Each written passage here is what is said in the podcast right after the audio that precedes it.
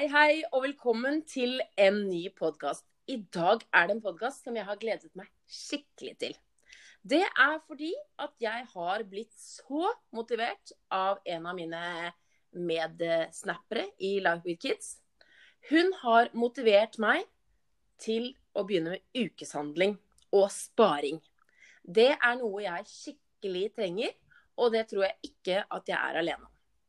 Jeg har brukt altfor mye penger på mat.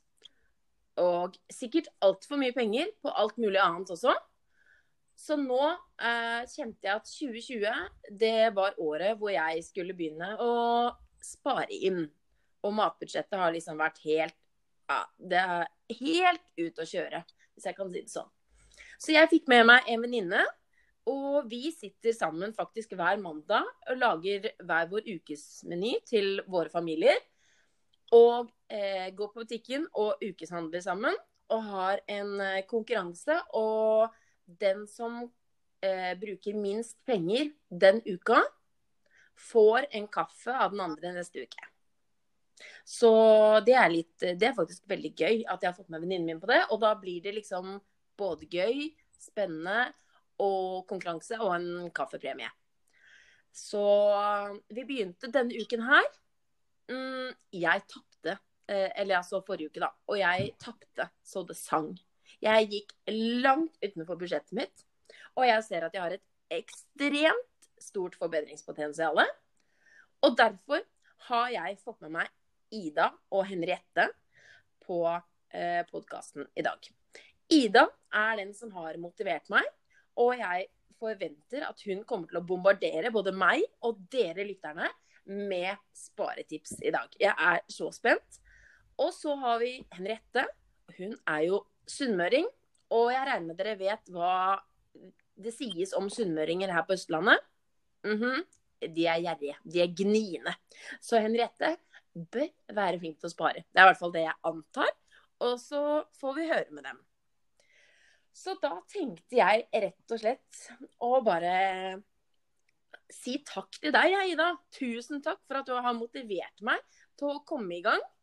Eh, jeg har ikke klart å det, tilfredsstille meg selv og mine egne mål. Men eh, jeg er veldig takknemlig for motivasjonen. Og nå vil jeg veldig gjerne at du tar meg gjennom deres rutine på denne ukeshandlingen og denne listen som må lages med hva som skal handles. Hvordan foregår dette her? Eh, hva er budsjettet? Eh, per uke. Hva skjer hvis du ikke klarer å holde budsjettet, osv. Nå får vi høre om ukeshandlingen. Ja. det var veldig hyggelig at du syntes det var bra at, eh, at vi fikk starta med det. Det jo Ja, du sparer ganske mye penger bare på å tenke litt smart. Uh, når det gjelder ukeshandlinga for vår del altså I første omgang så vil jeg bare si at vi er en studentfamilie. Vi er to små barn, en pappa som spiser mer enn hesten. Så vi er en stor familie på ikke så veldig høyt budsjett, så da var vi nødt til å gjøre noe for å få hverdagen til å gå rundt. Så jeg tenkte åh, hva i alle dager skal vi gjøre for å få et greit budsjett på det vi trenger? Så jeg fant ut at okay, på mat så kan vi faktisk spare ganske mye med å tenke litt smartere, litt mer økonomisk, eh, tenke alternativ. Um, så da fikk jeg også et tips fra venninna om å prøve å ukeshandle. Da handler vi en gang i uka. Hver søndag så setter jeg meg ned og så fører jeg ned hvilke middager vi skal ha hele uka. Eh, sjekke i fryseren hva har vi fra før av. Sjekke i skapene. Har vi noe ting som vi kan mikse sammen fra før av? Ok, Plutselig så har vi kanskje to middager allerede hjemme mm. fra før av. Eh, og så setter jeg meg ned og så skriver jeg hva vi mangler eh, hva vi har lyst på, og de vanlige tingene som melk og brød og pålegg og alt sånt.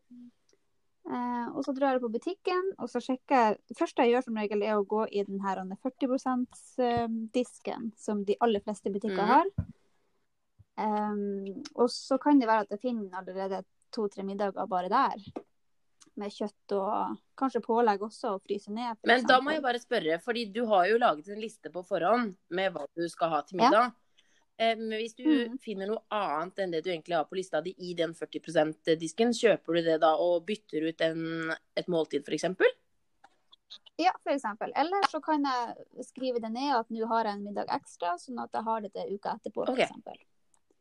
Ja. Um, ja, så vi handler til hele uka. Uh, og da handler vi ehm, alle middager, alt vi trengte hele uka, og som gjør at vi også slipper de her impulshandlingene når man er supersulten og kjøper altfor mye enn det man trenger. Mm. Um, ja, og så handler vi ofte veldig mye billigprodukter. Jeg har, aner ikke hvor mange produkter jeg har prøvd ut av billigvariantene, og så å si alle produktene smaker akkurat det samme som de her dyre produktene. Og det koster halvparten, selv mindre enn det, av den prisen. Ehm, så vi, ja, vi handler en gang i uka, som sagt, ja, og vi bruker sånn ca. 1000 kroner i uka på fire personer eh, hver uke. Så vårt budsjett er på ca. 4500 kroner, og da er det også med bleier og våtservietter og litt middagsglass til Levi og ja, alt det vi trenger i løpet av uka. Og det er jo helt hinsides, for de 4500 kroner, det er mindre enn det jeg eh, har brukt. Jeg er én voksen og to små barn, hvorav den ene omtrent ikke spiser. Og jeg har også to eh, ja, jeg har to barn som bruker bleier, da. Det går en del bleier. Men, men eh, det er jo skremmende at du klarer å ha en del eh, lavere budsjett enn meg, da. Jeg kjenner at her har jeg veldig po- forbedringspotensial. Og så tror jeg Mm. kanskje at Nå vet ikke jeg med de andre som lytter, da. Men jeg er jo liksom, hva skal jeg kalle det, fra Stor-Oslo. Og for meg så er det liksom Det sitter litt inne, da, å gå og kjøpe en First Price-biff. Jeg liksom, sånn, det For meg så er det liksom Nei, men det er Gilde eller Jacobs, eller det er liksom eh, Det må være det, da, hvis du skal ha biff, liksom. Jeg får meg liksom ikke til å kjøpe en First Price-biff og bare mm, denne kommer til å være supergod. Mm. Men det handler om komfortsone. Så fort at du er begynt å gjøre det, så etter hvert så vil du kun se etter First Price-produkter, ekstraprodukter, Coop-produkter, Rema-produkter. Eh, så til slutt så vil du nesten ikke se de dyre produktene, for du er så vant til hva du bruker å se på i kjøleskapet. Det er helt utrolig hvordan du omstiller deg. Ja. Men er det noen produkter hvor du eh, ikke kan gå for den billig, hvor du må gå for den dyre? Fordi den Ja, Ja. ja. På ost må jeg ha Norvegia. ost. OK. Det er stort sett det eneste som jeg kommer på at jeg må ha det dyre produktet. Mhm. Mm. Så vaskemidler og alt eh, Absolutt alt annet kan være First Price eller Extra eller Ja, altså, jeg har jo en sånn vaske- eller sånn tøymykner som jeg syns er så god, som jeg helst vil ha, men jeg, jeg må ikke det. Hvis det kniper om en måned, så kan jeg fint eh, kjøpe First der òg. Da må jeg bare spørre, nå ble jeg litt nysgjerrig, hva er det med osten som gjør at den må være At det ikke kan være First Price? Hva er det med First Price-osten? Jeg vet ikke, den smaker ikke helt det som jeg vil den skal smake. Okay. Det var bare et lite sidebord. Jeg ble bare litt nysgjerrig. Mm. Ja. Nei, rett og slett. OK, så du, um, du kan altså ta turen innom den tilbudsdisken. Fordi akkurat det er litt interessant. Fordi det jeg nemlig gjør mange ganger når jeg er på butikken, og så ser jeg liksom at å, denne uken så er det tikronersmarked på det og det og det. Og da kjøper jo jeg masse av det som er på tikronersmarked. Mm. Eh, eller så har jeg kanskje nok middager, men allikevel så ser jeg at denne uken er det karbonadedeig til 39 kroner. Og så tar jeg med meg karbonadedeig, ennå jeg har masse nedfrosset karbonadedeig i fryseren. Så Mm. klarer jeg liksom ikke la være da, når det er tilbud, og da snakker vi ikke om den 40% nedpriset eh, kurven. Vi snakker om bare generelt sett tilbud. Men da kan jeg tipse deg om at du lager en månedsplan for middager også. For da har du muligheten til å plotte inn at nå har jeg kjøpt kjøttdeig for fem dager, f.eks. Mhm. Sånn at da vet du at du har i hvert fall kjøttdeig, så du kan ha kjøttdeig og spagetti eller gud vet hva annet man bruker kjøttdeig til. Mhm. Mm.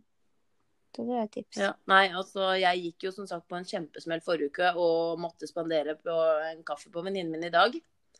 Så Mm. jeg har eh, denne uken her har jeg bestemt meg for at eh, jeg skal eh, jeg skal være enda hardere med meg selv. Men Henriette, ukeshandler dere? Ja, så godt som det lät sig göra. Mhm. For eksempel nå, denne veka her, så er det ferie. Mm. Eh, og da har ikke jeg gjort det. Dessuten så er mannen min på prøvetur med jobben, så det er veldig Det er ikke bekrefta hva dag han kommer igjen, så det er veldig vanskelig å eh, vite hvor mye mat du skal beregne. Så i dag så handla jeg middag til i dag og i morgen. Og så Mm. vet jeg jeg har mat til onsdag i fryseren. Mm. Eh, og torsdag reiser vi mest sannsynlig på hytta, og da må vi handle uansett. OK. Um, det er, men det er liksom sånn når vi ukeshandler, så bruker vi for det første så har SIFO et veldig godt referansebudsjett. eh, der du plotter inn alder og kjønn.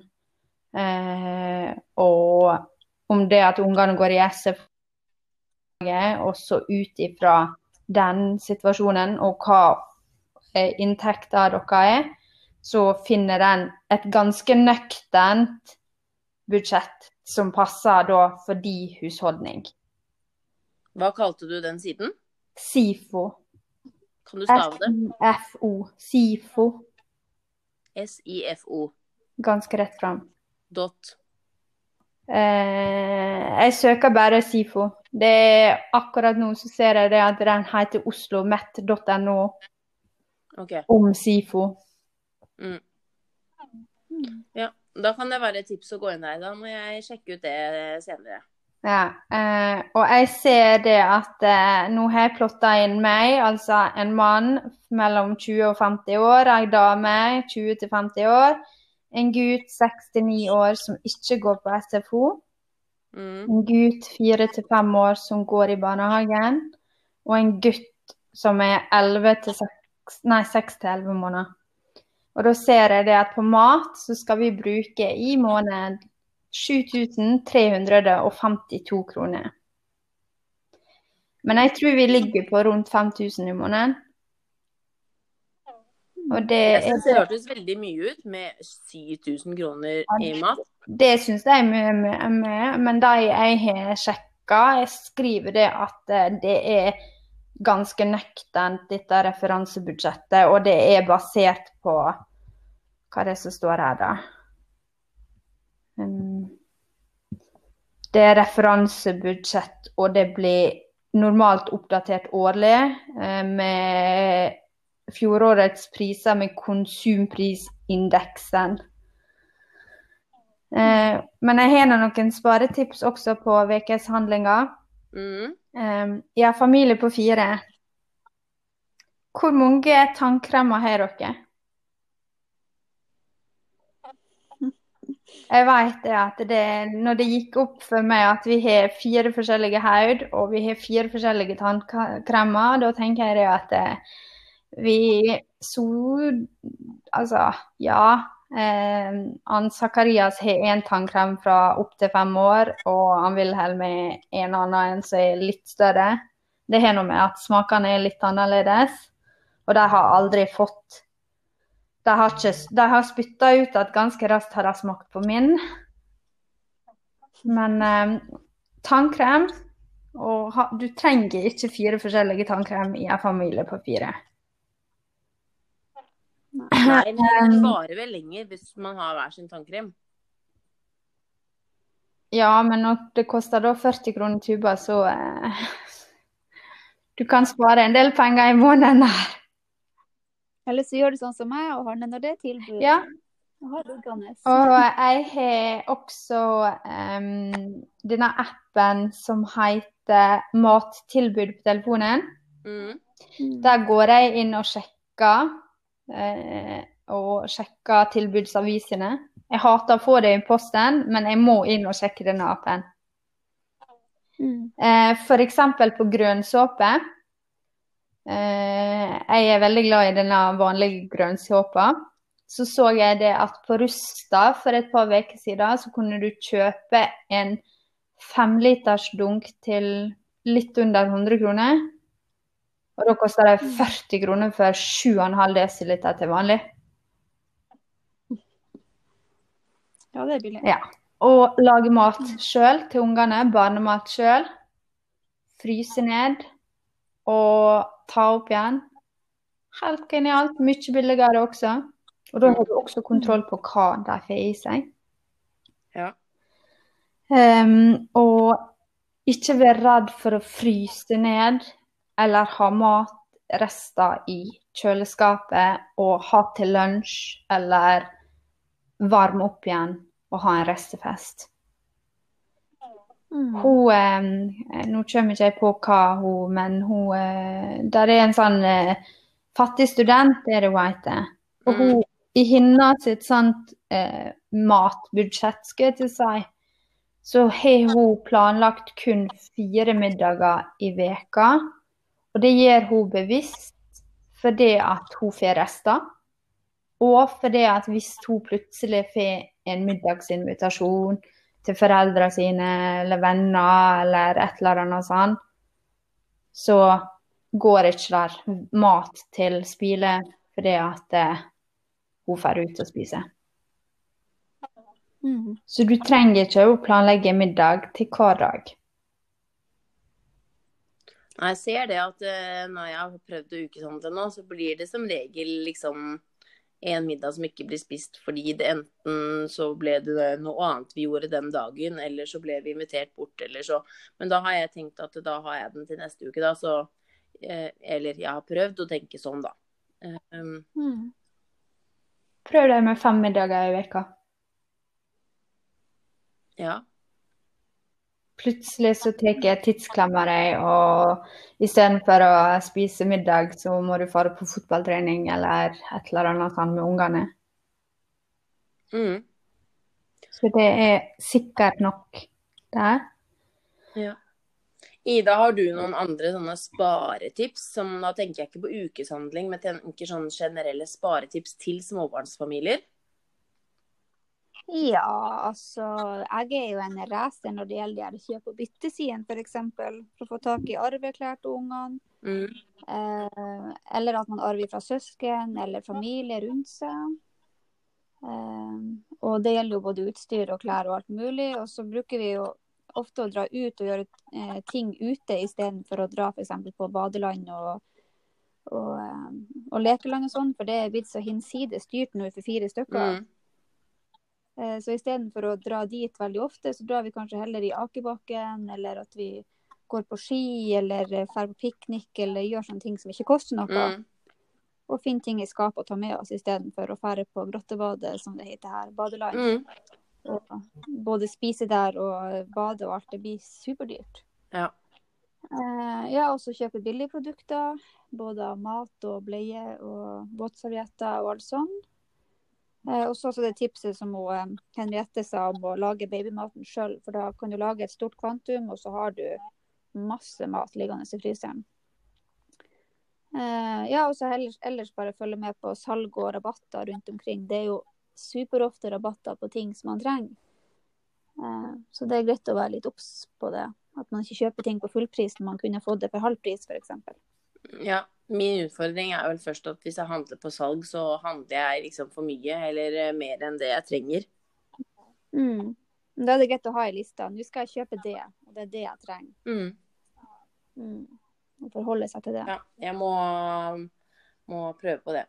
Det er jo en undersøkelse som sier at eh, 79% av alle nordmenn sparer penger, og at kvinner og menn sparer ca. i like stor grad. Helt ærlig så beklager eh, til alle menn, altså. Men jeg tror faktisk vi kvinner er flinkere til å spare, eller i hvert fall mer opptatt av. Det virker For meg virker det kanskje sånn. Eh, eller er det sånn Ida, at eh, mannen din er like interessert i sparing som det du er? Uh, nei. Nei. Henriette, hva hos dere? Her er vi ganske likt, tror jeg. Ja. Men da det, det skjønner jeg hvorfor. For dere er vestlendinger. Og det står også i den undersøkelsen at det er vestlendinger som er mest giret på sparing. Og det understreker jo bare det jeg sa til å starte med i dag. At vestlendinger er gniene. Det er i hvert fall det ryktet de har her nede på Østlandet. Og hvor, hvordan har dere klart å få det ryktet, Henriette? Skal jeg være ærlig, så var jeg ikke jeg helt Altså, jeg har nå herte og liksom sånn når jeg har presentert meg og sagt 'hei, jeg er fra Sunnmøre', liksom, da er det 'åh, du er reda datter', ja. Med en gang. Og så står det rister på hodet at nei, det er ikke jeg. Ja, hva, da er det sånn typisk at ja, hva driver foreldrene dine med da, da? De har egen bedrift eller et eller annet sånt. Men eh, nei. Eh, men jeg har faktisk funnet um, Der er en um, førsteammunist Mhm. ved Høgskolen i Volda som faktisk har forska på sunnmøringene sin historie. Om, og ifølge mytene så er sunnmøringene en måtehalden gjerdeknark. Og eh, at eh, på en måte så står dugnadsånda veldig sterkt her Mm. og litt sånn forskjellig. Og da står det De har på en måte sammenligna da Sunnmøre med Nordmøre og Romsdalen, da. For det er sikkert litt lettere å gi det i forhold til større befolkninger og sånne ting. Eh, og da står det det at eh, mens i, på Nordmøre og på eh, Ja, i Nordmøre og på Romsdal så fikk de etter hvert et klasseskille innen fiskenæringa, der næringa var prega av at det var enkeltstående og rike fiskere og væreiere. Mens på sunnmørskysten så fikk fiskerne gikk, De gikk på en måte i hop om større båter og hadde sånn eh, rederlag i lag. Og det var med på å hindre store klasseskiller, og så unngikk han også store forskjeller i dårlige tider.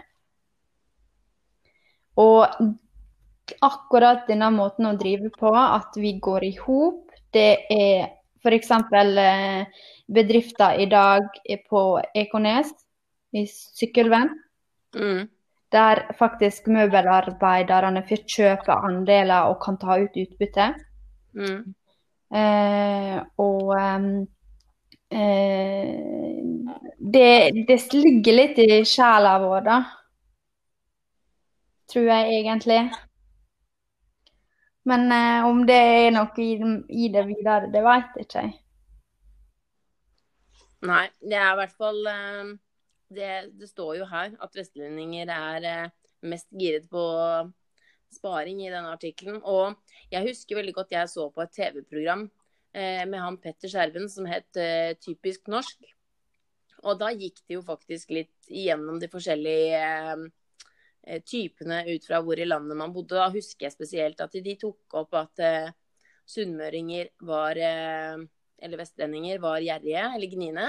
Og husker at også når de snakket om bergensere, så var det folk som tok mye plass. Og det var også litt sånn når de snakket om nordlendinger, det var også folk som tok mye plass. Så det, det var interessant å, å se på. Men det var et lite sånn eh, sidespor, da. Eh, men tilbake igjen til eh, det her eh, Den sparingen, da. Er det noen sånne spesielle aha-opplevelser dere har fått, eller? Ja, altså jeg har ikke så veldig mye sånn skikkelig aha-opplevelser, men det var vel egentlig det når jeg flytta for meg sjøl. Mm. Så så jeg jo plutselig hvor jækla dyrt alt var. Altså at osten kosta nesten 100 kroner, og at hver melkepakke kosta nærmere 30. Det var jo helt insane for en uh, ung pike som var 19 år. Ja. Så eh, da fikk jeg den aha-opplevelsen om at de billigproduktene da faktisk smakte akkurat det samme. Det er vel egentlig det jeg kan ta fram. Og du Henriette, har du fått noen aha-opplevelser på veien? Um, ja, det har jeg. Um, jeg var 15 år, 14, når det at jeg fikk min egen jobb første gang. Da fant jeg ut at uh, da har ikke mamma noe hun skulle ha sagt på hvordan jeg brukte pengene mine og lønna mi. Og da betalte jeg faktisk telefonen min sjøl etterpå. Og det gikk ganske hardt inn på meg. Fordi jeg hadde da hatt Ring kontantkort på sånn 500 kroner som kom, jeg kunne svi sikkert på en kveld. Og da plutselig stå for telefonen sin sjøl, det var harde greier, altså. Men eh, jeg lærte nå. Ja. Um, ungene mine, hvis de ønsker seg noe Jeg har nå en, spesielt han eldste, så er det liksom det at åh, han har så lyst på PlayStation 4. Alle kompisene hans har nå det, eller Nintendo Switch. Og det koster 4000, og så skal du ha spill i tillegg, og det koster 500 kroner spillet. Og da begynner ting å koste. Og vi har en vel fungerende PlayStation 3, tror jeg. To. Men han bruker ikke den. Nei. Og da bruker jeg å si det at eh, hvor mange timer tror du det at eh, mamma må jobbe for å ha råd til denne der? Nei, jeg er ikke helt sikker, da. Og så sier jeg, La oss si det at jeg har 100 kroner i timen bare for enkelhets skyld. Han er tross alt nesten ni år. Det er ikke det jeg har i timen, men eh, for enkelhets skyld så er det da 100 kroner i timen. Mm. Og hvis den koster da 4000 kroner for maskina, så er det 40 timer. Mm. Og det er ei hel arbeidsveke. Ja. Skal du da gå på butikken når den veka er omme, og betale denne der maskina til 4000 kroner? Mm. Eller skal du ha til mat og drikke og fotballtrening og bensin på bilen, og kanskje vi skal kjøre ut til en mormor? Mm. Og da begynner han å tenke at shit, den er ikke verdt det. Nei. Men det går an å spare. Og det er liksom det at du på en måte setter det opp at det, oi. Det tar ikke sånn kjempelang tid å spare opp, men det er alt annet som kommer før som vi er nødt til å ha. Mm. Em, eh, men når vi har sånne uh, ting som gjengoppføreren, opp Der er en app på telefonen som heter Horde, H-O-R-D-E, Mm. der du logger inn. Og den informasjonen den henter ganske enkelt. Henter gjelda di. Så du har ganske tydelig samla gjeld på telefonen. Og det utenom Lånekassa, da. Men eh, det, det, altså det tallet der, det er Skulle jeg ønske var mye lavere. Men eh, det var ikke så høyt som jeg trodde det var, da. Det, det skal sies.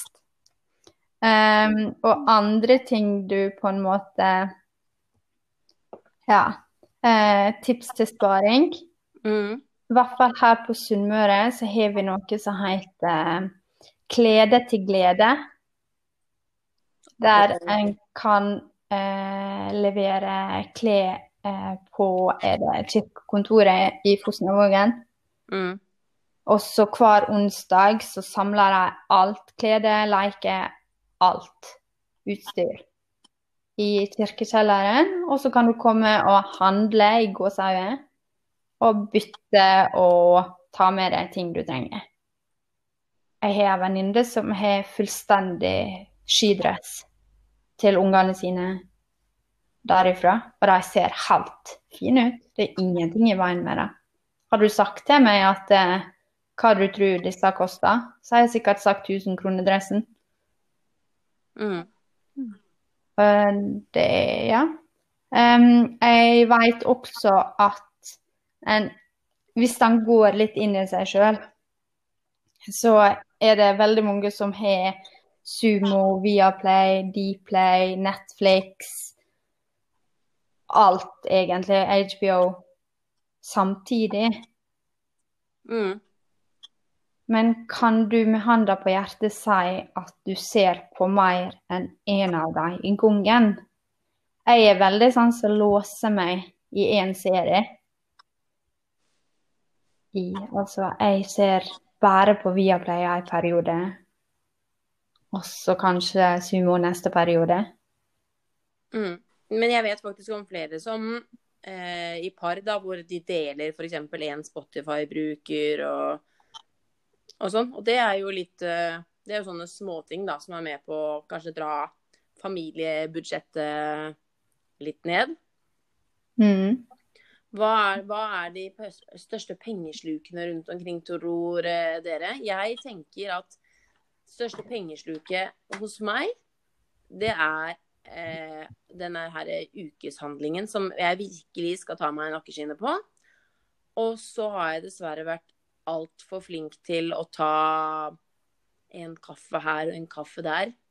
Eller noe annet sånn eh, ja, spise ute eller ja, lunsj ute og sånn. Så jeg tror det stort sett er det som dreier seg om mat eller spise ute, som er pengesluk hos meg. Eh, også strøm, da. Der kjenner jeg at jeg burde kanskje vært flinkere til å satt meg inn i sparetips når det kommer til strøm, for jeg tror at eh, ja, den eh, Jeg tror det er mange sparetips når det kommer til strøm som jeg ikke vet om. Mm. Har du noen eh, erfaringer på det, Ida? Ikke med strøm, men uh, min mor var veldig opptatt av at vi skulle slå av lysene på rommene vi ikke var på. Og at vi skulle vaske mest mulig klær i en og samme vask, f.eks. Fylle oppvaskmaskinen før vi setter den på. Sånne små ting som gjør at uh, du blir litt mer økonomisk når det gjelder økonomi. Mm. Men mitt verste pengesluk det er jo at jeg impuls, impulskjøper ekstremt mye barneklær. Ja.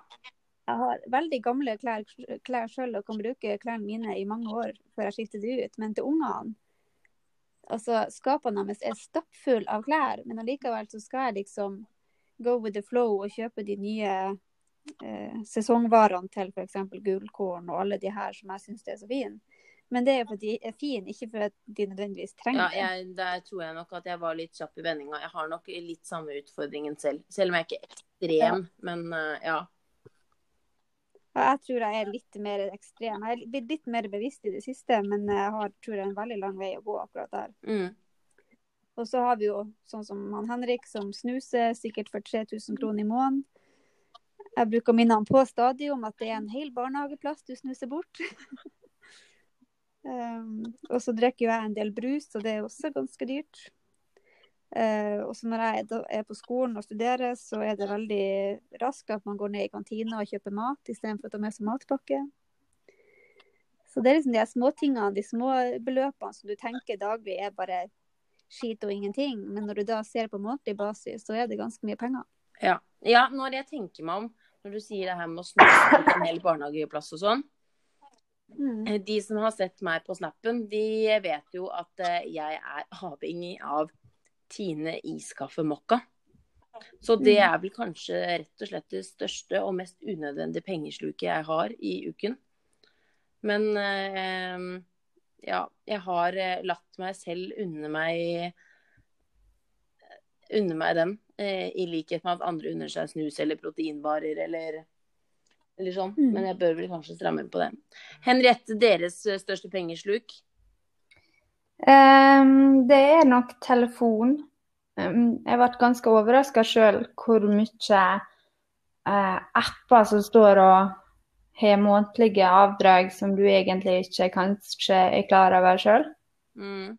Der er heldigvis ganske enkelt å gå inn og avslutte dem du ikke trenger. Ja. Um, og så vet jeg det at en ting vi kan spare penger på, eller kunne, det var Der er ei ganske genial sånn leieavtale på bilstoler og barnestoler Mm. gjennom If. Eh, det er ikke reklame, bare sånn det er sagt, da. Men vurder den hvis dere trenger bilstoler. For da er det sånn at eh, etter leieperioden så eier dere den siste bilstolen. Mm. Um, og du får ganske gode, og du kan velge om du vil ha med eller uten Isofix. Og de er veldig gode, de eh, bilstolene de legger ut. Det er ikke sånn at du får brukte bilstoler i de avtalene heller. Du leier en helt ny bilstol? Ja. Oi. Mm. Ja. Og hvor finner man informasjon om det her? Eh, If bilstolleie. Det, tror jeg, det der det tror jeg må være dagens beste tips til eh, småbarnsforeldre å sjekke ut det. 114 kroner måneden for leie av en av markedets sikreste bilstoler, og skifte den ut etter hvert som barnet vokser. Mm. Ja. Men hva gjør de hva, hva gjør de da, hvis du skal bytte bilstol? Du bare Eh. sender den inn igjen, og så får du ny i posten. Ja, men siden du sa at man ikke får leie en eh, som allerede er brukt, hva gjør de med den da? Mm, Det, det har ikke jeg sett meg inn i, faktisk. Men det er stolen sendes med posten. Til nyfødt eh, se- sender stolen ca. to uker før oppgitt termin, hvis ikke annet er avtalt. Andre stoler sendes inn fire virkedager etter at bestillinga er mottatt. Du bestemmer sjøl når du vil bytte bilstol. Og når du skal bytte, så tar du kontakt, så sender vi en ny stol innen fire virkedager. Ups. Og når du skal returnere stolen du har hatt, så bruker du tilsendt returpose og fraktlapp. Hmm. Nei, men det, det var et eh, godt eh, tips å sjekke ut. ja. Jeg tror vi kan eh, konkludere med at eh, ja, i hvert fall vi tre ukeshandler. Jeg vet ikke om vi skal tørre å konkludere med at eh, de fleste småbarnsfamilier ukeshandler. Men eh, jeg tror nok vi kan konkludere med at de fleste har lyst til å spare. Jeg har et lite tips til. Ja. Det er egentlig mer en utfordring. Mhm. Gå inn i nettbanken din og si det at hver gang du drar kortet ditt, da skal du ha ti kroner inn på en sparekonto. Mm. Og så bruker du den kontoen til eh, eh, å få en buffer, altså eh, en konto med penger i bakhånd. Hvis f.eks. denne helsikes oppvaskmaskinen skal ryke, så har du penger faktisk til å cashe den ut. Mm. Mm. For det er jækla travelt hvis den ryker, eller det er noe på bilen, eller et eller annet sånt. Også, Altså, jeg elsker jo utfordringer, så altså, nå, dette her er jo blod på tannen for meg, Henriette. Ja, men eh, greit, da gjør vi det. Og så ser vi når året er omme, hvor mye penger vi har spart. Jeg starter 1. mars. 10 kroner på sparekontoen hver gang jeg trekker kortet. Den, eh, den er jeg med på. Greit, og så ser vi når det er et år er omme, hvor store kontoen er blitt. Ja, men eh, det er er jo om å gjøre å dra kortet minst mulig, da. ja, men det er det er morsomt, da. Ta 20, da. 20 kroner? Da svir det jo, da svir det jo virkelig å bruke kortet, da. Ja, det er nå det som er poenget. Pluss du får spare. Men det er noe gøy å få disse 20 kronene på en sparekonto også, da. Ja da.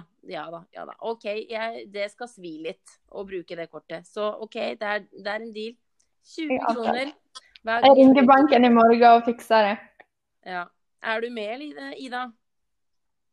Ja, jeg skal tenke på det. Du skal tenke på det. Sve litt eh, mye, eller? Jeg er student, som sagt, så jeg må eh, velge alt med omhu. Ja. Jeg kommer til å ringe Henrik og få ham med meg. Ja. Hver gang han kjøper snus, så skal 20 kroner gå inn på kontoen. ja. Ja, den er jeg med på. ja det syns jeg i hvert fall. Det er et minimum. Ja. Det, er altså, det, det, er en, Nei, i tilfelle han trenger det. det er en annen diskusjon, og den kan vi ikke ta nå. Men eh, jeg eh, Ja, iskaffe. Mm, mm, mm, ja, jeg er jo litt i samme Nå skal jeg ikke snakke for høyt, for det er jo litt å kaste stein i glasshus. Men de som bruker enorme mengder på snus og røyk i måneden Altså Ja. Det er ikke en diskusjon vi skal ta nå. Men eh, det, da tenker jeg at den iskaffen min er i hvert fall litt billigere, selv om det var litt å kaste stein i glasshus. Mm. Men jeg takker for eh, masse gode sparetips, og ikke minst igjen eh, for at du har motivert meg til å starte med ukeshandling, eh, Ida. Jeg håper at eh, vi har klart å kanskje motivere noen lyttere som ikke ukeshandlet. Og jeg håper at vi har klart å gi dem noen sparetips Sunnmøringene våre har jo vært eh, ekstremt gode der. Sjekke ut eh, SIFO, var det det? Yes. For å finne et anslått eh, bra matbudsjett. Sjekke ut If i forhold til eh, leie av bilstoler, som man kan spare penger på. Og eh, sjekke ut om man har um, apper og andre ting som står og drar, som man overhodet egentlig kanskje ikke tenker over. Og så er det da å ha sånn at hver gang du trekker kortet, så eh, sparer du penger. Oh yeah, I'm in. Yes. Yes. Nei, men da, takk skal dere ha, jenter. Vi eh, snakkes igjen. Og til vi snakkes neste gang, eh, god sparing.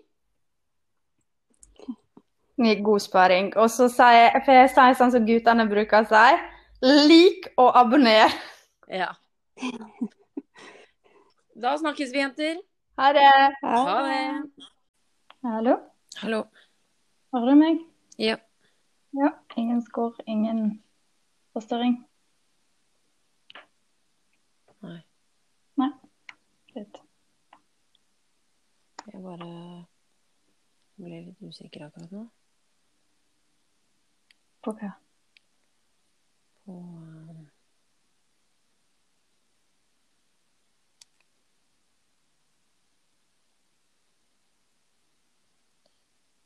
Jeg bare hører en lyd. Jeg vet ikke hva den lyden var, jeg.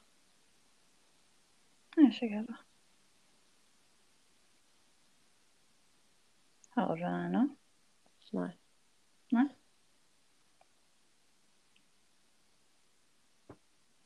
Prøvde å se på babycallen, og det var den ene kiden min som hadde stått opp.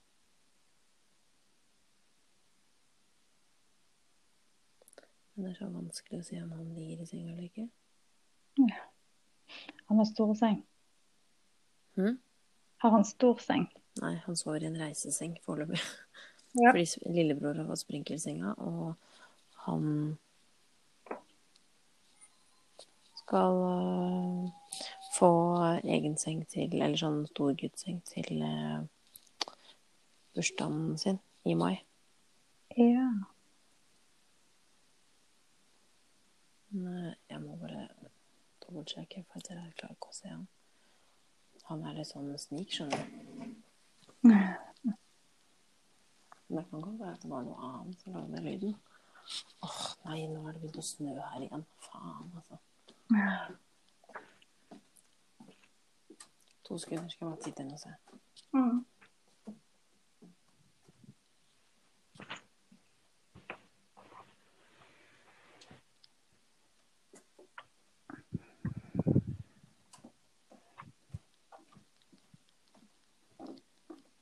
Han lå i senga, så det var ikke han. Nei. Nei, Det var gjerne bare en lyd en eller annen plass. OK. du- Da tar vi og kjører på. Ja. Um, Du må jo gjerne ønske velkommen og så si eh, ja, at det har vært litt sykdom. Eh, så vi har ikke fått spilt inn noe, men ja. Nå er vi i gang, og så hva vi skal snakke om. Og så kan du bare stille meg et spørsmål, så kan jeg bare svare på det. ja, og så bare ser vi litt hvor samtalen bærer hen, på en måte. Ja. Mm, men jeg tenker at vi må prøve å trekke den litt Vi må prøve å trekke den litt ut på viddene, på en måte. Ja, ja. Mm. Men jeg bare følger, altså jeg svarer så godt som jeg kan på det du spør om, og så får du bare dra den videre så langt du vil på en måte med neste spørsmål. Mm. Tror du ikke det? Jo, nei, men da gjør jeg det bare. Ja. OK.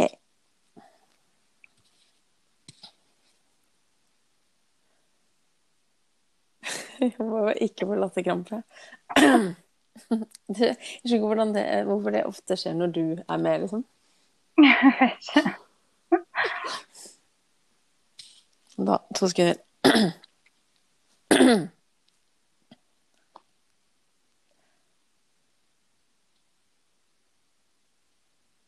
Hei, hei! Da er vi endelig tilbake. Det føles ut som at eh, vi har vært borte i en evighet. Det har vi kanskje, i hvert fall en liten evighet. livet skjer. eh, og det har det, det har det skjedd for eh, mange av oss også. Vi har hatt sykdommer i, i gjengen, og ja, da er det ikke alltid så lett å få til ting, dessverre. Men nå er vi back on track, og nå kan vi vel love eh, at eh, nå blir det lenge til neste gang dere får et opphold. Så vi beklager for stillheten, og ja, her er vi. Så bare nyt og lytt. Eh, I dag så er det faktisk eh, tema sex og samliv etter at man får barn. Jeg mener, trenger du sextips, så kan det være at denne podkasten kan være noe for deg. Eller om du rett og slett bare vil høre våre tanker om det. Eller om du vil eh, Ja, hva skal jeg si?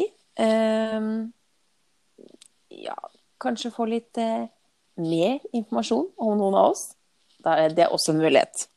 I dag har jeg tatt med meg Lilly. Eh, og hun skal få lov til å svare meg på alle spørsmålene jeg stiller dette.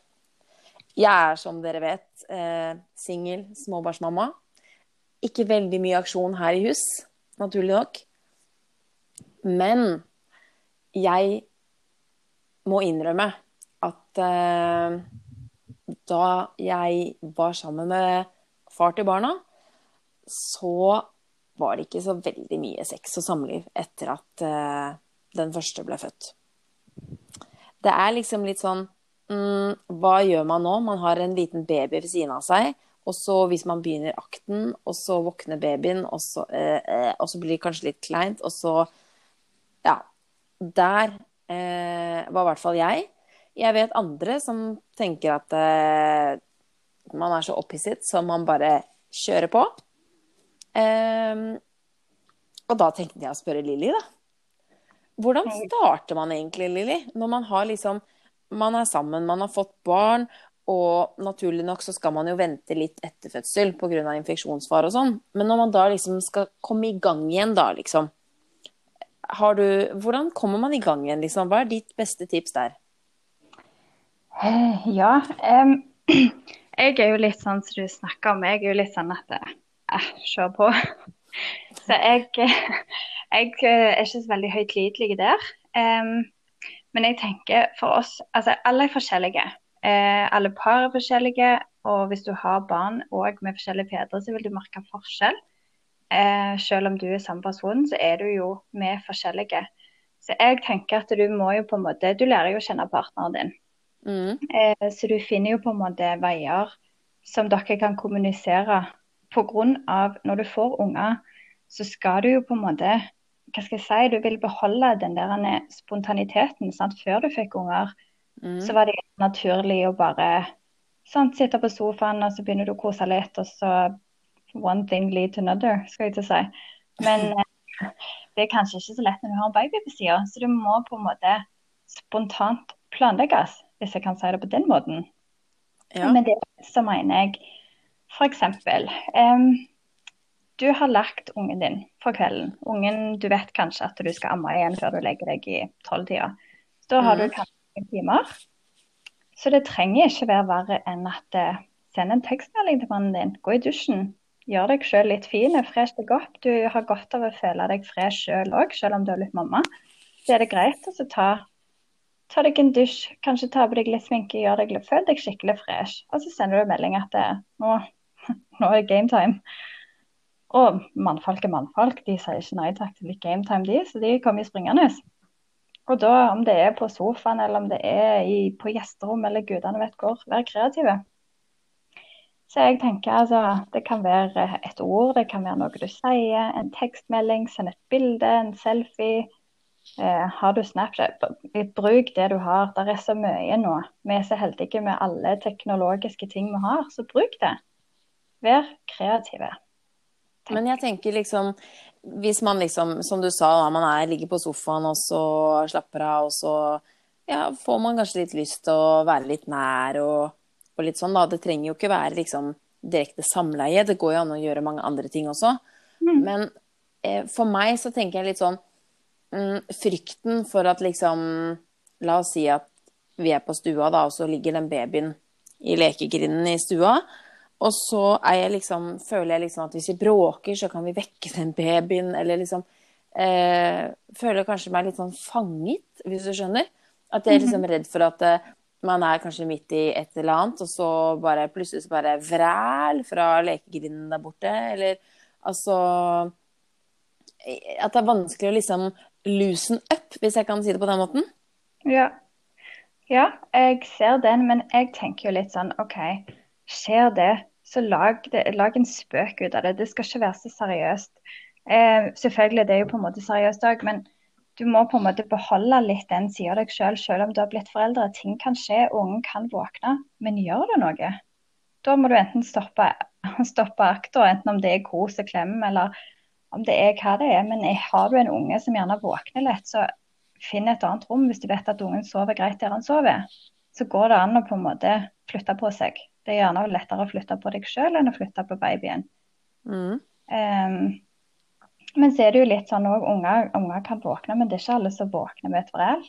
Så jeg tenker hver enkelt person må jo på en måte se an sin unge og sin situasjon òg. For noen har jo en kolikkbaby som våkner bare du går over gulvet, mens andre har en unge som sover gjennom en nyttårsaften. Mm. Um, altså det er ikke så lett å si akkurat hvordan du skal gjøre det, pga. at alle er så forskjellige, både som personer, men òg ungene. Um, men jeg er litt sånn lenge leve kreativiteten. Du må på en måte bare prøve deg frem. Uh, hva som funker for dere. Men jeg tenker du må på en måte ikke stoppe deg sjøl heller i frykt for at ungen skal våkne, for det kan skje. Men det kan òg være at det ikke skjer. Men så må du på en måte tenke kanskje OK, hvis det skjer da, at ungen våkner, hva er det verste med det? At du må stoppe det du holder på med. Det er jo ikke verdens undergang. Da har du på en måte gjerne en løgn historie å dele med mannen din, tenker jeg. Jo, jeg tenker mer sånn hvis vi liksom Hvis man har en sånn liten baby som sover inne på soverommet sammen med foreldrene, f.eks., for eksempel, da og mm. så har foreldrene da sex, og så våkner denne babyen, og så blir jo den på en måte Den skriker kanskje ikke, liksom, men så blir den liksom liggende der i bedside cribben sin og ser på at foreldrene har seg. Jeg skjønner at ikke dette fester seg på en liten baby, altså jeg forstår det. At ikke de husker sånne ting. Men jeg tenker liksom på den kleinheten. Det er sikkert mange som ikke bryr seg om det. Men så er det sikkert mange som tenker på det òg. Men da tenker jo jeg litt sånn at det, Bryr du deg ikke, så er det greit nok. Men kjenner du på at det er ikke greit, da må du jo kanskje lage deg en måte der du kan gjøre det før du kommer til kveldstid når du skal legge deg i bed med ungen og har ungen på, i bedside cribben. Mm. Eh, for det at de aller fleste har jo kanskje andre rom i huset. Det går an. Hvis, altså hvis du bare ligger i senga og koser, så er det helt greit. Men skal du go all the way, og ikke vil ha ungen i samme rom, så må det jo enten da bli i sofaen eller gjesterommet eller dusjen eller ja, der du måtte føle for det. Eh, og da er det jo ikke Da har du jo babycall, og du har jo på en måte Du hører jo ungen. Så jeg tenker, Er du redd for det, så, må du på en måte kanskje ikke altså Du skal ikke gjøre noe så ukomfortabelt. For jeg tenker hvis du ligger der da og gjerne skal være intime med mannen din, og i baksida av hodet ditt det eneste du tenker på er tenk hvis ungen min våkner, så vil jo ikke det på en måte bli en veldig kjekk opplevelse for noen av dere. For det at hodet ditt er ikke på rett sted. Nei, for det setter liksom kanskje en liten demper på stemningen? Ja, jeg tenker du vil jo på en måte ikke leve deg helt inn og være helt medreven i det du holder på med, fordi at du tenker på noe annet som da blir en unaturlig ting for deg. Mm. Um, men da ville jo jeg bare tenkt at OK, da må du gjerne kommunisere med partneren din og fortelle dine følelser bak det. Og så må dere finne hva som passer for dere. Ja. Jeg er jo litt men, Ja, men de som har større barn, da? Jeg tenker sånn eh, Som sagt, nå er jo jeg alene, da. Men jeg har jo en som går ut av senga si og kommer mm. inn til meg eh, på soverommet mitt, liksom. Eh, den minste sover jo i en sprinkelseng og kommer seg ikke ut av den. Men den eldste kommer seg ut av sengen sin. Og da tenker jeg sånn Hvis jeg skulle vært i sengen med en mann, da, eh, og så liksom kommer ungen inn mens man Det har sikkert skjedd med mange. Det har aldri skjedd med meg, da. Men det har sikkert skjedd med veldig mange. Hva gjør man da? Jeg har jo ikke et sånn direkte svar, men jeg tror det er ganske mange som har foreldre der de husker fra de var små at foreldre de har selv sett foreldrene, eller historier hørt fra andre. For det, det, det, vil jo skje. Altså med noen, ikke med alle. Men, men det kan skje. Men jeg, jeg har jo den frykten sjøl. Det har heller aldri skjedd meg. Men jeg tenker jo på det. Altså det er jo liksom Du trenger ikke akkurat Det som jeg tenker da, det er jo det at eh, Si f.eks. at vi er på soverommet.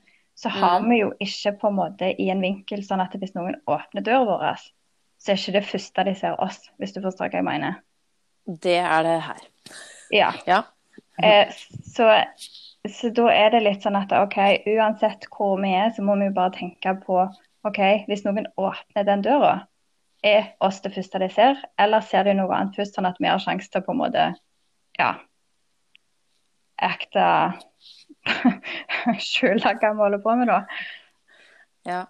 Eh, men hvis, hvis, du blir tatt, så har jeg jeg, jeg, har, jeg vet ikke. Jeg vet ikke sjøl hva jeg hadde gjort. Jeg tror jeg hadde gravd meg ned.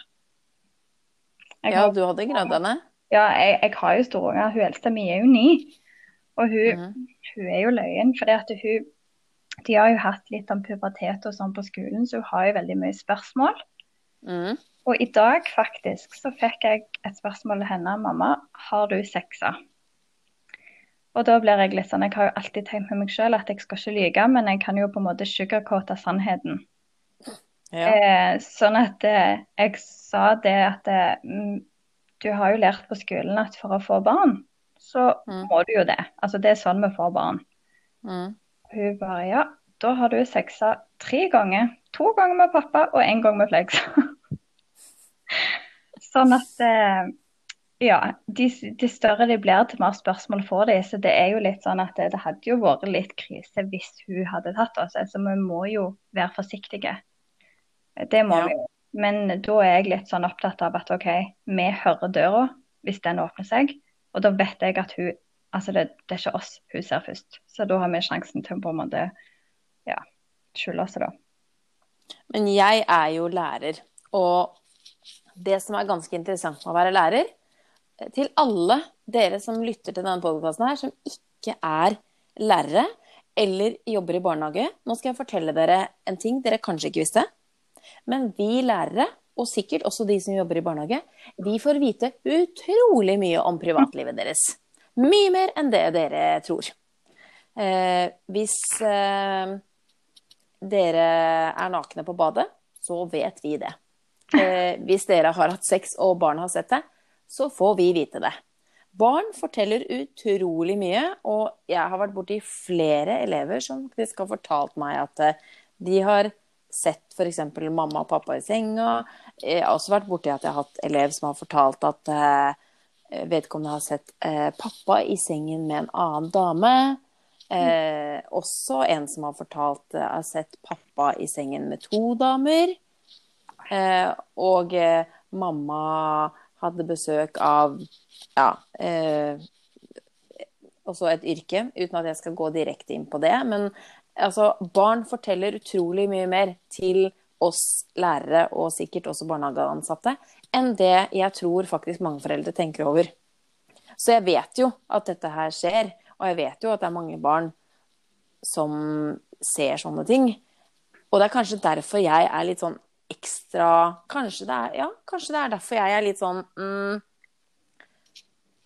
Ja. Fordi jeg tenker liksom at det er sikkert mange av disse barna som da har fortalt det til meg, eller andre eh, lærere, da, som ikke Foreldrene vet ikke at de har blitt busta, hvis du skjønner. Så ja. Eh, og vi lærere, vi må jo stå og forklare når de da har spørsmål til oss. Ja.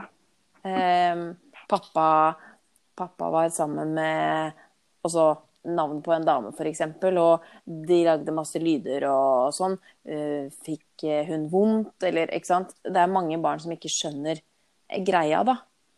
Uh, og eh, jeg har også hatt elever som har sagt liksom at mamma sine pupper henger langt ned på magen, eller altså Ja. så til dere som lytter, bare vit det. Vi får vite utrolig mye mer om privatlivet deres enn det dere tror. Det tror jeg på. Ja, tror du det er en grunn til at jeg kanskje er en litt sånn skeptiker når det kommer til akkurat det der?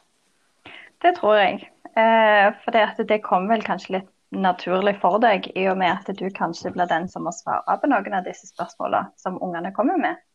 Ja. Så jeg tenker jo kanskje naturlig så ligger den frykten i deg at noen andre må svare dine unger. Um, mm. Men jeg tenker litt sånn òg at det er ofte de som spør um, og ikke snakker om det hjemme, er de som på en måte kanskje ikke blir møtt hjemme.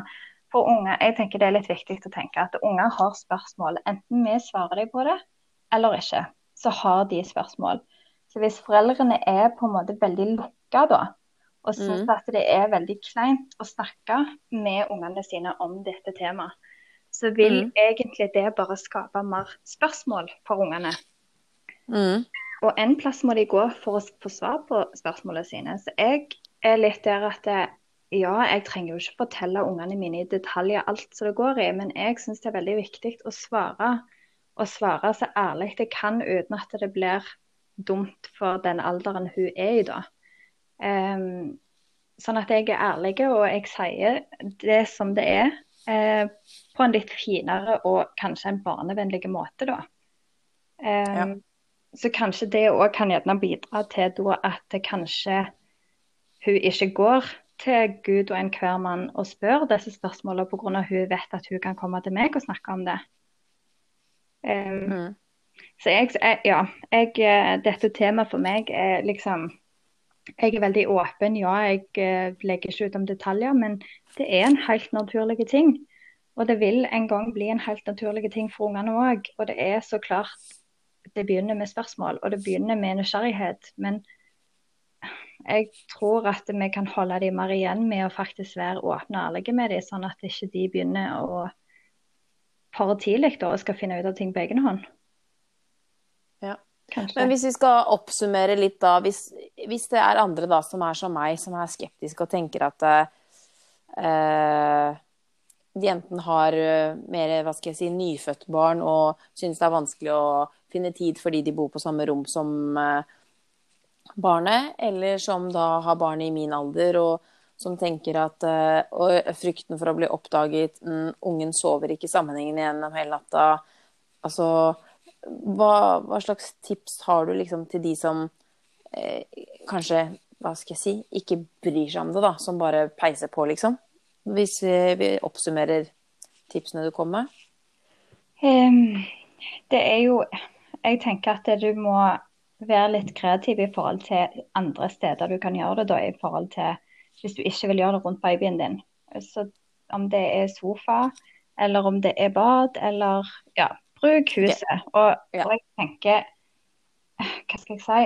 Lær partneren din å kjenne. Så hvis du vet f.eks. at du og partneren din kan snakke åpent om det, så trenger ikke planlegge i morgen klokka åtte, så skal vi det. Men om det så er samme ettermiddagen, så vet du OK, sånn og sånn har ungen min hvilt. Amminga kommer til å skje klokka sju. Så jeg kan gå i dusjen og freshe meg litt. Og sende han en melding da når du legger ungen du sitter og ammer, og få han i dusjen sånn at dere er klare til klokka åtte. Så har dere litt tid før ungen våkner igjen, eventuelt. Mm. Så kreativitet, det er kanskje det viktigste nøkkelordet? Ja, jeg tenker det. Men det for å liksom tørre å slippe, slippe seg litt løs da, hvis man er litt sånn eh, lukket hva, hva, hvordan, hvordan, skal man få til det? Og liksom ja. Hvordan skal man få til å klare å liksom slippe seg løs? Det kommer nok litt an på hvor trygge du er på, og hvor åpen du er med partneren din. Jeg har jo aldri vært en lukka person. Jeg er egentlig sånn som sier det akkurat sånn som det er, enten det er bra eller dårlig. Så akkurat det med å være lukka, jeg kan på en måte ikke helt sette meg inn i det, men jeg tror det er veldig viktig å kanskje i den nyfødtfasen å ha en åpen dialog med partneren sin fram mot de seks ukene når du på en måte vet at du kan begynne å være en time igjen.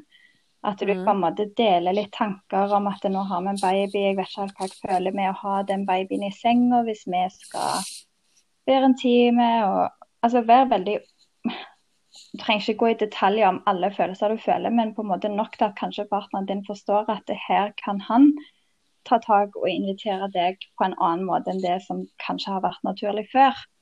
For jeg Mm. tenker at det, mannen kan jo ikke invitere til noe nytt eller prøve noe nytt uten at han vet at det er behov for det. Eh, for mannfolk er jo veldig enkle. De, altså, de tenker ikke lenger enn de må. Sånn at hvis de ikke får beskjed om at det, det ikke er greit i senga, så vil de kanskje vente til de er i senga. Ehm, Men uh, nå, jeg, jeg, tror du at du får noen mannfolk på nakken nå? Jeg tror vi har noen mannlige lyttere. Men siden du sier hele tiden at mannfolk er så enkle og, og jo, sånn. men jeg, jeg tror jo det mange mannfolk er enkle når det kommer til dette temaet, at det for de så er det greit uansett. Selvfølgelig med unntak. Det finnes jo menn som, som ikke er det, det er ikke det jeg mener. Men jeg tror at det menn jeg tror ikke det er mange menn som tenker på akkurat det som vi tenker på i forhold til at vi ammer, vi har født et barn. Vi, har, altså, vi kan jo våkne av at eh, ungen hoster, fordi at vi har det innebygd i morsinstinktet. En mann vil ikke våkne før ungen griner. Det er Mm. òg selvfølgelig uten, altså med unntak, fordi at alle er ikke like. Men den gjennomsnittlige mann blir den inviterte til intimitet, så er det ikke ofte du får et nei, med mindre de har vært på jobb i tolv timer og er superslitne. Mm. Eh, mens med damer så ligger det veldig mye mer bak. Eh, spesielt i den ny, altså, nyfødtfasen pga. det er så mye. Det er mye følelser, det er mye hormoner. Du ammer og Altså både kropp og hode har vært igjennom en syk prosess som ingen menn Nå driter jeg meg for menn på nakken. Al- Altså, ingen menn kan sette seg inn i det vi går igjennom i en graviditet, en fødsel og i nybarns, eh, nyfødtperioden. Vi kan prøve Mm. så godt vi vil å forklare, men, men det er vanskelig å sette ord på det. Eh, Ja. Nok til at de kan sette seg inn i det. Så akkurat der så tror jeg at eh, vi er nødt til å veilede mannen til hvordan ting skal bli gjort etter den fasen. For det at ting vil jo naturligvis nok ikke bli sånn som det har vært, pga. du har et nytt menneske som skal på en måte tilpasses i heimen. Mm. Eh, så ja, man, mannfolk er enklere å få til sengs enn damer. det er bare sånn Ja. det er. Men så tenker jeg, hvis vi liksom snur litt på det altså Nå har vi snakket om at, eh, at uh, man kanskje syns det er kleint, og at det er grunnen til at man syns det er vanskelig. Men så tenker jeg på de som f.eks. da er syns det er vanskelig å, å få det til rett og slett fordi de er utslitte. Da. De har enten en, kanskje en kolikkbaby, eller kjenner liksom på at åh, jeg ammer konstant. Liksom, føles ut som jeg har puppen ute hele tiden. Føler liksom at det, den babyen tar en stor sånn intimsone, da. Mm. Og så liksom skal man på en måte liksom Skal man dele seg ut til partneren også? Altså at det liksom Ja, man kan bli helt utslitt av å skulle være til stede med kroppen for eh, både barn og mann, liksom. Da er jo egentlig min tanke bak det er at eh, kommunikasjon Du er nødt til å være åpen og fortelle om det.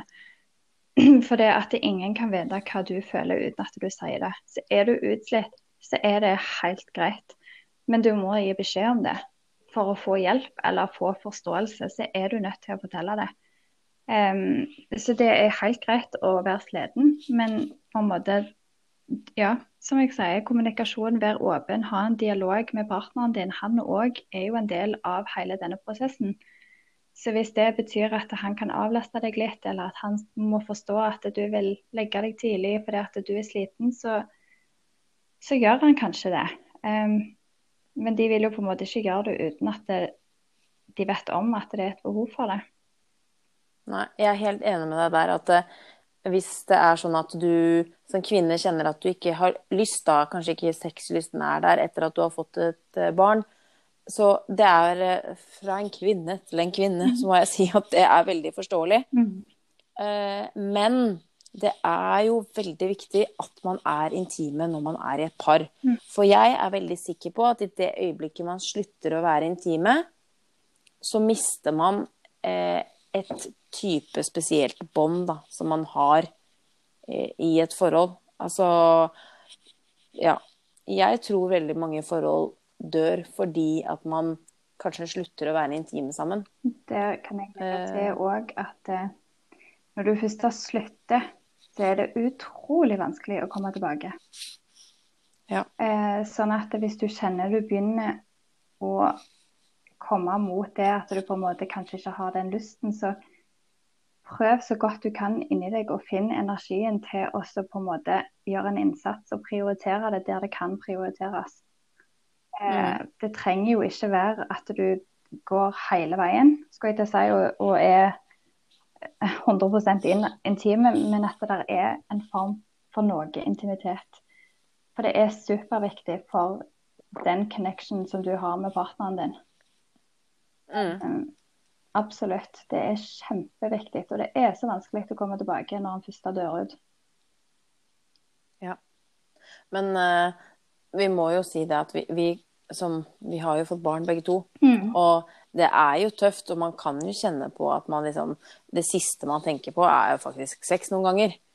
Altså det er amming, og det er eh, lite søvn, og det er bæsjebleier over en lav sko, og det er altså eh, Så man kan jo kjenne på det at eh, det ikke alltid kanskje er sex som er i panna, eller intimitet med partneren. Men jeg har veldig tro på det du sier i forhold til åpenhet, og jeg tror dessverre uten at jeg er noen ekspert på området, så tror jeg mange par går litt i, i fella der, altså. Mm. Eh, man er kanskje ikke flink nok til å snakke om sånne ting, og dessverre ja, Nå begynner jeg også vet mot menn. Herregud, stakkars menn. Men dessverre så er det mange menn som ikke er flinke nok til å snakke om, eh, om følelser. Er, altså, de er ikke flinke nok til å liksom lytte til dama og ta det hvis hun på en måte skal fortelle at du, nå kjenner jeg det er litt vanskelig fordi sånn og sånn og sånn. Så tror jeg faktisk at det er mange menn som ikke er flinke nok til å liksom sette seg ned og lytte og prøve å se ting fra eh, damas perspektiv. Og det er ikke sånn at det, menn alltid skal høre på damene, det er ikke det jeg mener. Men det er noe helt spesielt når man tross alt har fått en unge ut av kroppen sin, og du skal dele bort kroppen din med pupping og amming, og du er sliten, og du sover lite, og hvis du ikke ammer, så sover du antakeligvis lite da òg, for det er de færreste babyene som sover hele natta og, og sånn fra de er bitte små. Men kan jeg bare få lov å forsvare, forsvare mennene litt der? Ja, klart du kan. Fordi at eh, du, du snakker om at menn kanskje ikke har forståelse eller hører etter. Men der har jeg eh, gått litt i fella sjøl som ei dame. For jeg har jo eh, barn med to forskjellige. Eh, Mm. Og jeg har vel kanskje vært den som forventer at de skal forstå uten at jeg må si det. Mm. Eh, og der er kanskje vi damer vi er ikke alltid så flinke å sette ord på akkurat noen damer. Selvfølgelig er kjempeflinke til det, men jeg er litt sånn, eller har vært da, helt fram til jeg ble korrekta av mannen min, at jeg kan jo ikke forvente noe uten at jeg har fortalt han hva jeg forventer. Eh, og der, altså eh, Han første var liksom Jeg sa aldri noe da heller, da gjorde jeg akkurat likt. Men han som jeg er med nå, er veldig mer han er veldig mer, mye mer åpen og flink til å kommunisere. Så han har på en måte tvingt meg til å innse at eh, jeg har mange områder jeg kan bli bedre på når det gjelder å kommunisere.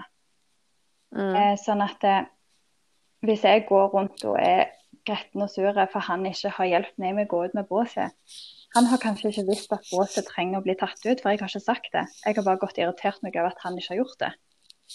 Mm. Eh, og det kommer jo tilbake altså, i nyfødtperioden. Der er ting vi kan slippe mennene til å gjøre. Eh, mange sier at mennene er ikke så flinke å skifte bleier. Det har jeg òg sagt helt fram til min mann sa 'hvorfor spør du meg aldri'? Ja. Og da har jeg kanskje bare forventa at han skal gjøre det. Mens han har på en måte ikke tenkt over det, fordi at jeg ikke har sagt at av og til så trenger jeg at du tar og faktisk skifter den bleia sjøl. Mm. Eh, Så jeg tror den kommunikasjonen må gå begge veier. Vi damer må bli flinkere til å fortelle mannfolk og forventningene våre. For vi kan ikke være sure på noe de ikke har gjort, så lenge vi ikke har fortalt at vi forventer det. Nei. Og til mennenes eh, forsvar, da, så dessverre så er jo vi proppa fulle med hormoner. Ja. Eh, så det, det kan jo være vanskelig å håndtere en dame. Absolutt. Det må vi jo bare være så ærlige å si. Ja, ja, ja. Og, jeg, og jeg tenker at til alle damer som lytter på, tenker jeg det er veldig viktig at hvis du kjenner at du på et eller annet tidspunkt har lite sexlyst, trenger ikke være nødvendigvis etter at du har fått en baby, men kanskje det, så må du faktisk gå litt i deg selv òg. Mm. Du kan ikke bare liksom legge det over på mannen. Du må faktisk gå i deg selv. For hvis du begynner å miste sexlysten som dame, og ikke er flink nok til å formidle til mannen at uh, du trenger litt tid, og klarer å hente deg inn igjen uten at det går for lang tid, så, så vil jeg si at uh, dere er kanskje begynt ut å seile. Ja. Ja. Så ærlig må vel være å si. Ja. Det er jo sannheten. Altså, det er jo der de fleste par sklir ut. Det er jo der det begynner først med at de slutter å være intime. At de har ikke lysten, og da forsvinner kanskje noen av følelsene med den lysten etter som tida går. Mm. Og det er jo bare en ja, kjip sannhet. Men da kan vi jo egentlig bare oppsummere denne podden med at uh, mister du sexlysten, så må du ta deg selv i nakkeskinnet. Du må være kreativ eh, selv om du har fått barn, eller om du mister sexlysten, så må du være kreativ. Du Altså, ikke stopp å ha sex. Eller eh, ja. Nei. Samliv. Vær nær, vær intim. Ikke stopp. Yes. Er ikke det godt nok oppsummert? Jo. Jeg tenker hallo, vi er mennesker. Selv om vi får barn, så kjør på. Ikke glem den delen av dere sjøl fordi om dere har blitt foreldre. Nei, det er jeg helt enig med deg. Og så gleder jeg meg eh, veldig til eh, en av de nye episodene som kommer rett rundt hjørnet, der det blir en mannespesial for å liksom gi kvinnetips til mannen. Hva er den ultimate mannen? Det Ja. Ja. Det blir bra. Vi, vi er kvinner er vanskelige, vi er vanskelige, vi. Vi, vi kan være det, vi kan det. Absolutt. Vi har eh, noen ting å ta oss sjøl i nakken på. Men jaggu så bra vi er òg, da. Ja, de hadde ikke klart oss uten. Disse menn Nei, de hadde ikke klart seg. Nei, nei. Så til neste gang vi høres, ha sex. Ja. Så snakkes vi etter sexen. Oh yes. Yes. Ha Ha det. det.